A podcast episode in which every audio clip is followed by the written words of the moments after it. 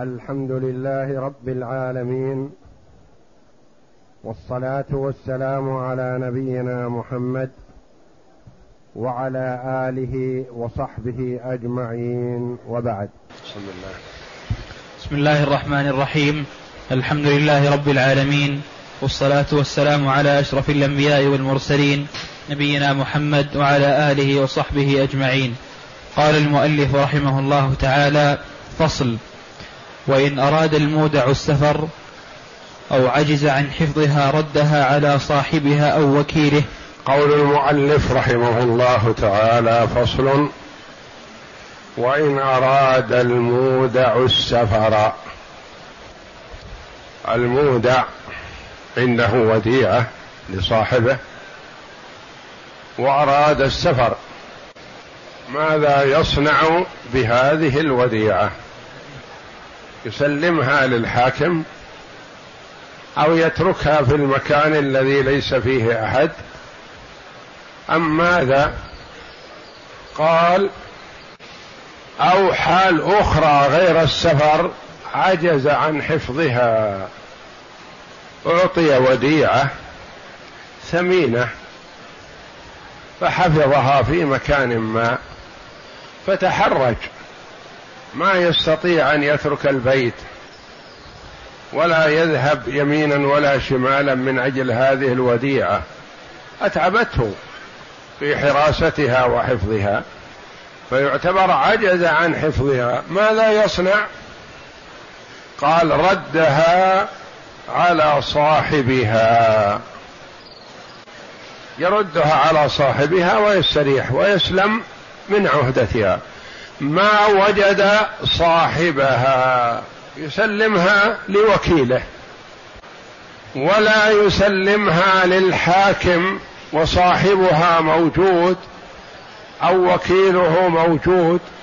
فإن لم يجد صاحبها ولم يجد له وكيلا سلمها للحاكم لأنه يحفظ مال الغيب نعم. ولم يجز دفعها إلى الحاكم لأنه لا ولاية للحاكم على حاضر. لأنه في حال حضوره ما يجوز أن يسلمها للحاكم وإنما يسلمها لصاحبها أو وكيله. فإذا لم يجد لا هذا ولا هذا حينئذ يسلمها للحاكم. نعم.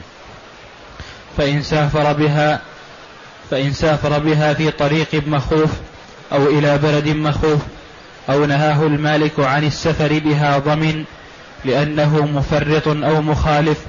فإن سافر بها إلى بلد مخوف أو سلك طريقا مخوف فإنه يضمنها حينئذ. أو في حال ثالثة سافر بها وقد قال له المودع لا تسافر بها. احفظها عندك في مكة ولا تسافر بها إلى غيرها. فسافر بها إلى جدة أو الطائف أو غيرها ضمن لأنه إن سافر بها مع على طريق مخوف فقد فرط. سافر بها إلى بلد مخوف ليس فيه أمن وحفظ ويخشى على ما في البيوت فقد فرط أو سافر بها وقد نهاه عن السفر بها فقد خالف. ما يقال فرط وإنما خالف. قال لا تسافر بها خارج مكة. فسافر بها فإنه في هذه الأحوال يضمن. سواء سلك طريقا مخوفا أو بلدا مخوفا أو كان قد نهاه عن السفر فسافر بها ففي هذه الأحوال يضمن إذا تلفت أو سرقت ولو سرقت مع ماله. نعم. لأنه مفرط أو مخالف وإن لم يكن كذلك لم يضمن لأنه نقلها إلى موضع مأمون أشبه ما لو نقلها في البلد. إذا لم ينقلها إلى بلد مخوف ولم يسلك طريقا مخوف ولم ينهه عن السفر بها فأراد أن يسافر في الصيف مثلا إلى الطائف أو يسافر إلى جدة فنقلها معه لأن الطائف وجدة فيهما الأمن وليس هناك خوف في الطريق ولم يوجد نهي من المالك في السفر بها. فسافر بها إلى الطائف أو إلى جدة فسرقت أو تلفت أو تعدي عليها فلا ضمان لأنه ما فرط وما خالف. نعم. وإن لم يرد السفر بها أو لم يجد مالكها دفعها إلى الحاكم. هذه الحالة الثالثة ما أراد السفر بها أو أراد السفر بها لكن يخاف عليها من الطريق أو يخاف عليها من البلد وتلفت يبحث عن صاحبها فلم يجده. بحث عن وكيل له فلم يجده. ماذا يصنع؟ يسلمها للحاكم لأنه يحفظ مال كل غائب. نعم. لأنه متبرع بالحفظ. لأنه هو نفسه ليس الحاكم لأنه هو متبرع بالحفظ. ولا يلزمه أن يسافر بها إلى مكان آخر. أراد أن يسافر إلى الطائف مثلا فلا ولا يلزم أن يسافر بها وأراد أن يتخلص منها. فتلفت يبحث عن صاحبها أو عن وكيله فلم يجده أحدا منهما فإنه يسلمها إلى الحاكم الذي يحفظ مال الغيب نعم. فلا يلزمه ذلك مع الدوام. والحاكم يقوم مقام صاحبها عند غيبته. لأنه ما يلزم أن يحفظ هذه الوديعة على الدوام متى ما مل ما مل من حفظها أو تضايق أو تعب فإنه يردها إلى صاحبها فإن لم يجده رده إلى الحاكم. نعم. والحاكم يقوم مقام صاحبها عند غيبته فإن دفعها إلى غيره مع قدرته عليه ضمنها لأنه كصاحبها عند غيبته. وإن لم يجد حاكما فإن دفعها لا تستعجل. فإن دفعها إلى غيره غير من؟ غير الحاكم. هذا إذا دفعها إلى صاحبها استراح منها. دفعها إلى وكيل صاحبها استراح منها. دفعها إلى الحاكم عند غيبة صاحبها. فكذلك دفعها إلى غير الحاكم دفعها إلى جاره. دفعها إلى ولده. دفعها إلى قريب قال احفظ هذه الوديعة حتى يأتي فلان يأخذها منك. في هذه الحال يضمن لأن صاحبها يقول أنا ما أودعتها إلى جارك ولا رضيت بأمانته. ما دفعتها إلى ولدك ولا إلى أخيك. أريد أن تحفظها ولا تردها علي. فإذا أودعها عند أخيه أو عند ولده أو عند جاره أو عند أي شخص من الناس ولم يبحث عن صاحبها فإنه حينئذ يضمن. نعم. وإن لم يجد حاكما أودعها ثقة لأن النبي صلى الله عليه وسلم إذا لم يجد حاكم يعني في الحال الأولى يضمن لأن الحاكم موجود. وما دفعه للحاكم لكن ما هناك حاكم. في بلاد كفار ما فيها حاكم يحفظ مال الغيب. وهو يريد سفر. ماذا يصنع؟ يلتمس ثقة يسلمها إليه كما فعل النبي صلى الله عليه وسلم لما أراد الهجرة من مكة إلى المدينة وعنده ودائع الناس أودعها عند أم أيمن رضي الله عنها وأرضاها. وخلف علي رضي الله عنه بعده يرد الأمانات إلى أصحابها. الوداع عند أم أيمن. والذي يتولى ردها هو علي رضي الله عنه. نعم. لأن النبي صلى الله عليه وسلم لما أراد أن يهاجر أودع الودائع التي كانت عنده لأم أيمن ولأنه موضع حاجة وعنه يضمن موضع حاجة يعني السفر. النبي محتاج إلى السفر يريد السفر. ولا يريد الذهاب بأمانات أهل مكة. يذهب بها إلى المدينة يقول تعالوا خذوها عندي في المدينة. فهو أودعها عند أم أيمن رضي الله عنها. نعم. قال القاضي يعني إذا أودعها من غير حاجة فإن دفنها في الدار وأعلم بها ثقة يده على المكان فهو كإيداعها إياه. وإن لم, يعلم وإن لم يعلم بها أحدا فقد فرط. فإن دفعها دفنها في الدار.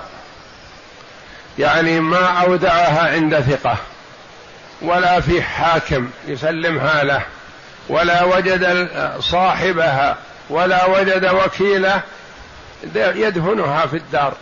لكن ما يدفنها فقط ويسكت لابد يخبر ثقة.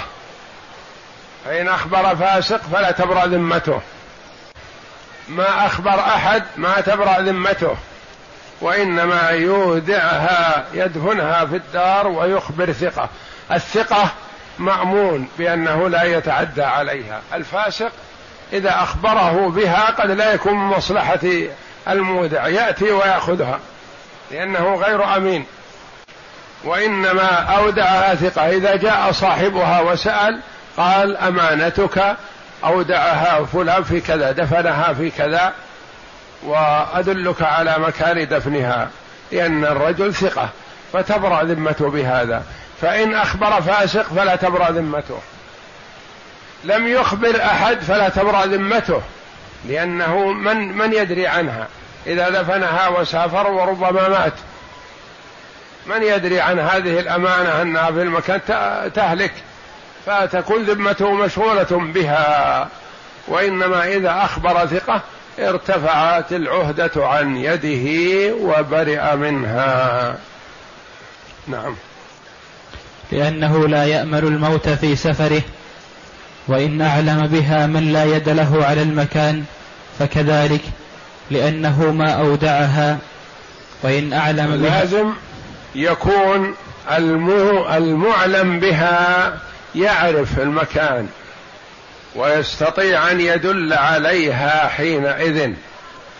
فيكفي هذا فإن لم يعلم بذلك فلا يكفي لأنه لا فائدة حينئذ في إعلامه بها.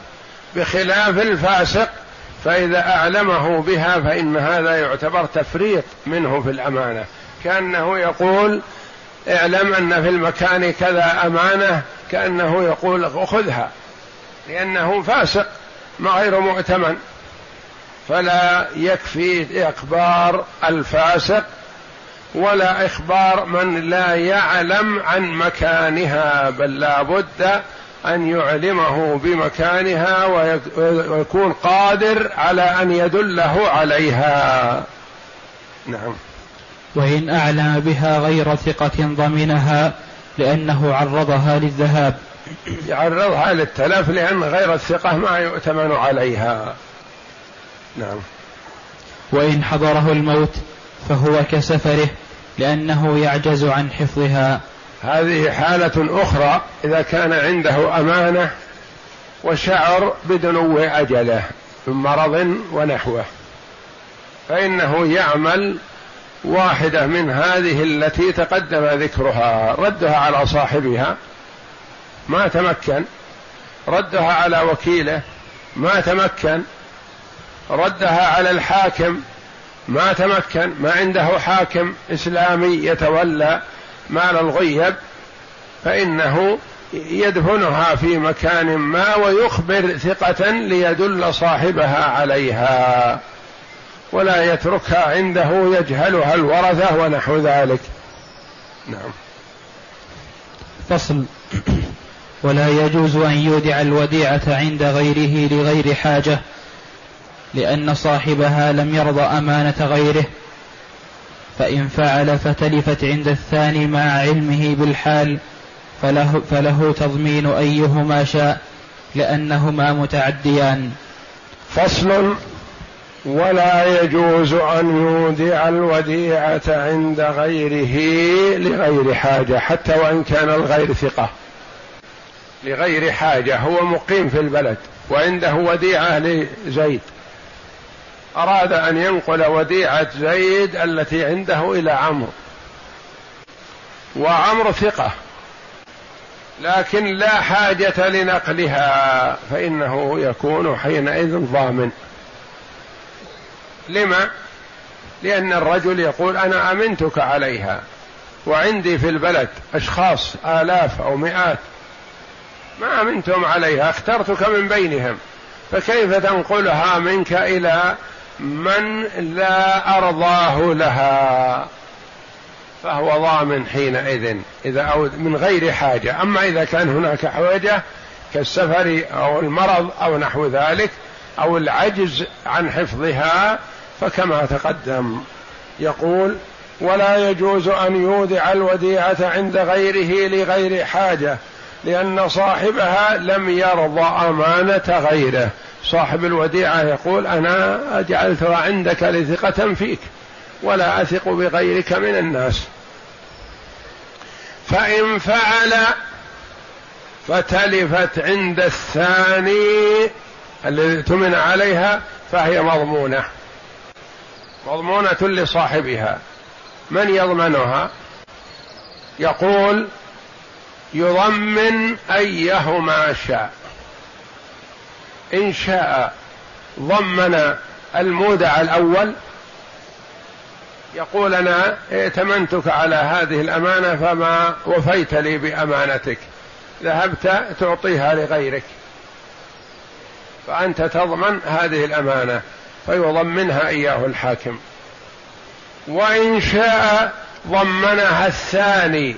يقول مثلا أنا ائتمنت فلان على أمانة فأعطاك إياها وأنا ما أردت أن تكون عندك فأنت بأخذك إياها منه متعد. يدك ليست يد أمين يد غاصب لما تقبلها وأنت تعلم أنها لي وأنا لم آت منك عليها؟ ثم إن أمانتي هذه تلفت تحت يدك فأنت أحق بأن تضمنها. فيضمنها الآخر. إلا في حال سيأتي إذا لم يعلم الثاني أنها أمانة عند الأول. قبلها الثاني على أنها ملك للأول أراد أن يأتمنه عليها فلا ضمان على الثاني لأن الثاني ما يعتبر أخذ أمانة من مؤتمن وإنما أخذ أمانة من مالك. فرق بين أن تأخذ الأمانة من مالك فلا ضمان. تأخذ الأمانة من مؤتمن عليها غيرك فعليك الضمان لأنه لا يسوغ لك أن تقبلها. تقول يا أخي هذه ليست لك تؤمني إياها وصاحبها ما طلب مني أن أحفظها فأنا إذا أخذتها أكون متعدي. فإذا لم يعلم الثاني أنها أمانة عند الأول فحينئذ لا ضمان عليه لأنه ليس متعدي. فإن فعل فتلفت فإن فعل فتلفت عند الثاني مع علمه بالحال. مع علمه بالحال. انتبه علمه بالحال أنها أمانة عند الأول. نعم. فله تضمين أيهما شاء لأنه تضمين أيهما. فله تضمين أيهما شاء لأنهما متعديان ويستق... متعديان الأول أمنها وهو لم يقال له أمنها عند فلان والثاني قبلها لأنه لا يسوغ له أن يقبل الأمانة من مؤتمن. نعم. ويستقر ضمانها عند الث... على الثاني. ويستقر الضمان على الثاني لأنها تلفت في يده. نعم. لأن التلف حص... لأن التلف حصل عنده. وقد دخل على أنه يضمن. وإن لم يعلم بالحال. فقال القاضي يضمن, يضمن أيهما شاء.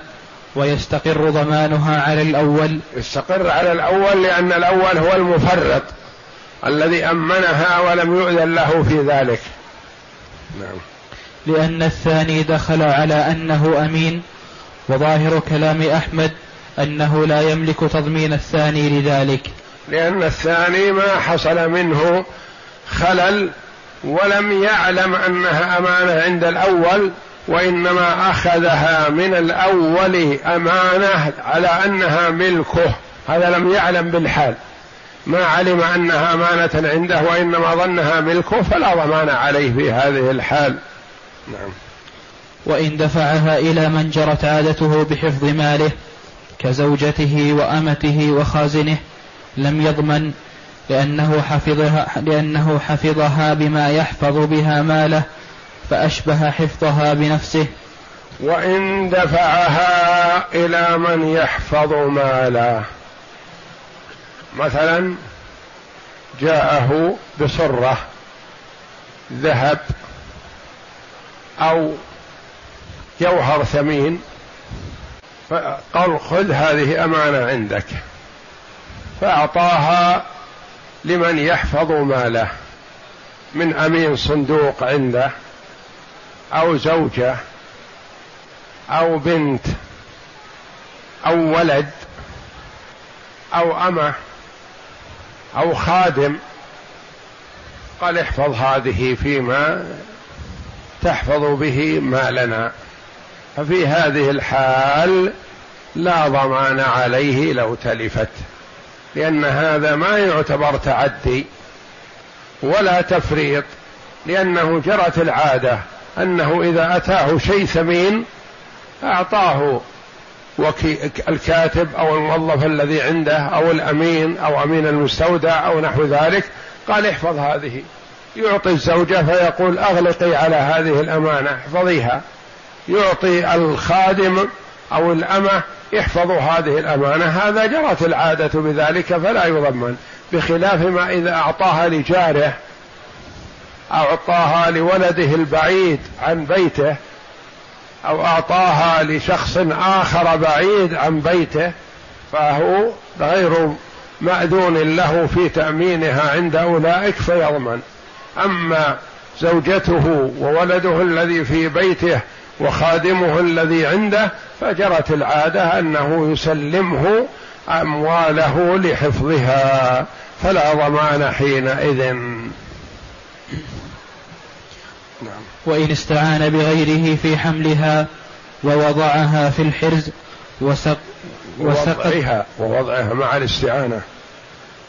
وإن استعان بغيرها في حملها وإن استعان بغيره في حملها ووضعها في الحرز وسقي الدابة وعلفها لم يضمن لأن العادة جارية بذلك أشبه فعله بنفسه. وإن استعان بغيره في حفظها أو إيصالها لحرزها. مثلا أعطاه أمانة سجادة ذات قيمة. قال هذه احفظها عندك. فنادى حامل فقال احمل. هذه السجادة ووصلها إلى البيت. دفعها إلى غيره في هذه الحال. لكن هل يعتبر هذا تعدي أو تفريط؟ لا. دفعها إلى الخادم أو العامل أو الحامل وقال أوصلها إلى البيت. فوصلها إلى البيت وحفظها أهل البيت. هذا العامل وهذا الحامل مثلا غير ثقة. عرف أن السجادة هذه القيمة في المكان الفلاني فجاءها ليلا وأخذها. ثم طالب صاحب السجادة الأمين بها وقال أنا أعطيتك إياها أمانة وأنت أعطيتها شخص عادي يحملها يوصلها للبيت. معناه أنك دللته على مكانها كأنك قلت له هذه السجادة تكون في المكان الفلاني. فذهب هذا الرجل الذي حملها إلى البيت وسرقها ليلا. فتعتبر كأنك فرطت في أمانة هذه ودللت عليها هذا السارق. فأنا أضمنك إياها فترافعا إليك. فماذا أنت قائل؟ يقول نسأل عن هذه الأمانة. هل جرت العادة أن يحملها مثل هذا الرجل المؤتمن؟ ودفعها إلى العامل. وقد جرت العادة أنه يحملها ففي هذه الحال يضمن. لأنه دل عليها. أم أنها سجادة كبيرة والرجل ذو وجاهة؟ ما جرت العادة أنه يحمل السجادة الكبيرة؟ ودفعها إلى عامل يوصلها ثم جاء هذا العامل وسرقها. فلا ضمان حينئذ على الأمين لأنها ما جرت العادة أنه يحمل هذه الأمانة بنفسه. لابد من الاستعانة. لابد من الاستعانة. ومثل هذا كذلك مثلا عند ائتمنه على بقرة. فاستدعى عامل أو شخص آخر وقال خذ هذه البقرة واذهب بها إلى السقي اسقها وردها إلى المكان. فسقاها وردها إلى المكان. عرف هذه البقرة أنها في المكان الفلاني وهي بقرة ثمينة أتاها هذا الرجل الذي سقاها في النهار أتاها ليلا وسرقها وذبحها. وعلم أن الذي سرقها هو الذي أسقاها وتولاها نهارا وطالب صاحبها بها الأمين.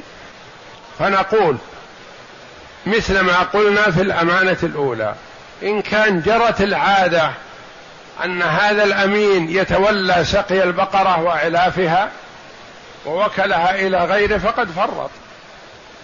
وإن كانت لم تجر العادة بمثل هذا وإنما هذا أمين ذو وجاهة ما يتولى سقي البقرة وإنما يحفظها. فأعطاها لهذا يسقيها ثم جاءها ليلا وسرقها. ففي هذه الحال لا ضمان على الرجل لأنه لم يفرط فإن كان مثله يقوم بهذا العمل وترفع عنه فإنه يضمن. وإن كان مثله لا يقوم بمثل هذا العمل وإنما كلف من يعاونه ويساعده فلا ضمان عليه حينئذ لأن المدار على الاهتمام بالأمانة. إذا كان مهتم بها وحريص عليها وذهبت فلا ضمان عليه. وإن كان غير مبال بها وتساهل بها وأعطاها لأي شخص يتولاها ثم سرقت فإنه حينئذ يضمن. نعم. فصل. اصبر. وإن خلطها وإن استعان بغيره في حملها. وإن استعان بغيره في حملها ووضعها في الحرز وسقي الدابة وعلفها وعلفها نعم. لم يضمن لأن العادة جارية بذلك. أشبه فعله فعله بنفسه. يعني هذا الذي وكل عليه أشبه كأنه يفعله بنفسه لأنه جرت العادة بهذا. بخلاف ما إذا لم تجر العادة بهذا فإنه يكون حينئذ كأنه دل على مكانها وفرط فيها فإذا سرقت أو أخذت فإنه يكون عليه حينئذ الضمان. والله أعلم. وصلى الله وسلم وبارك على عبده ورسول نبينا محمد وعلى آله وصحبه أجمعين.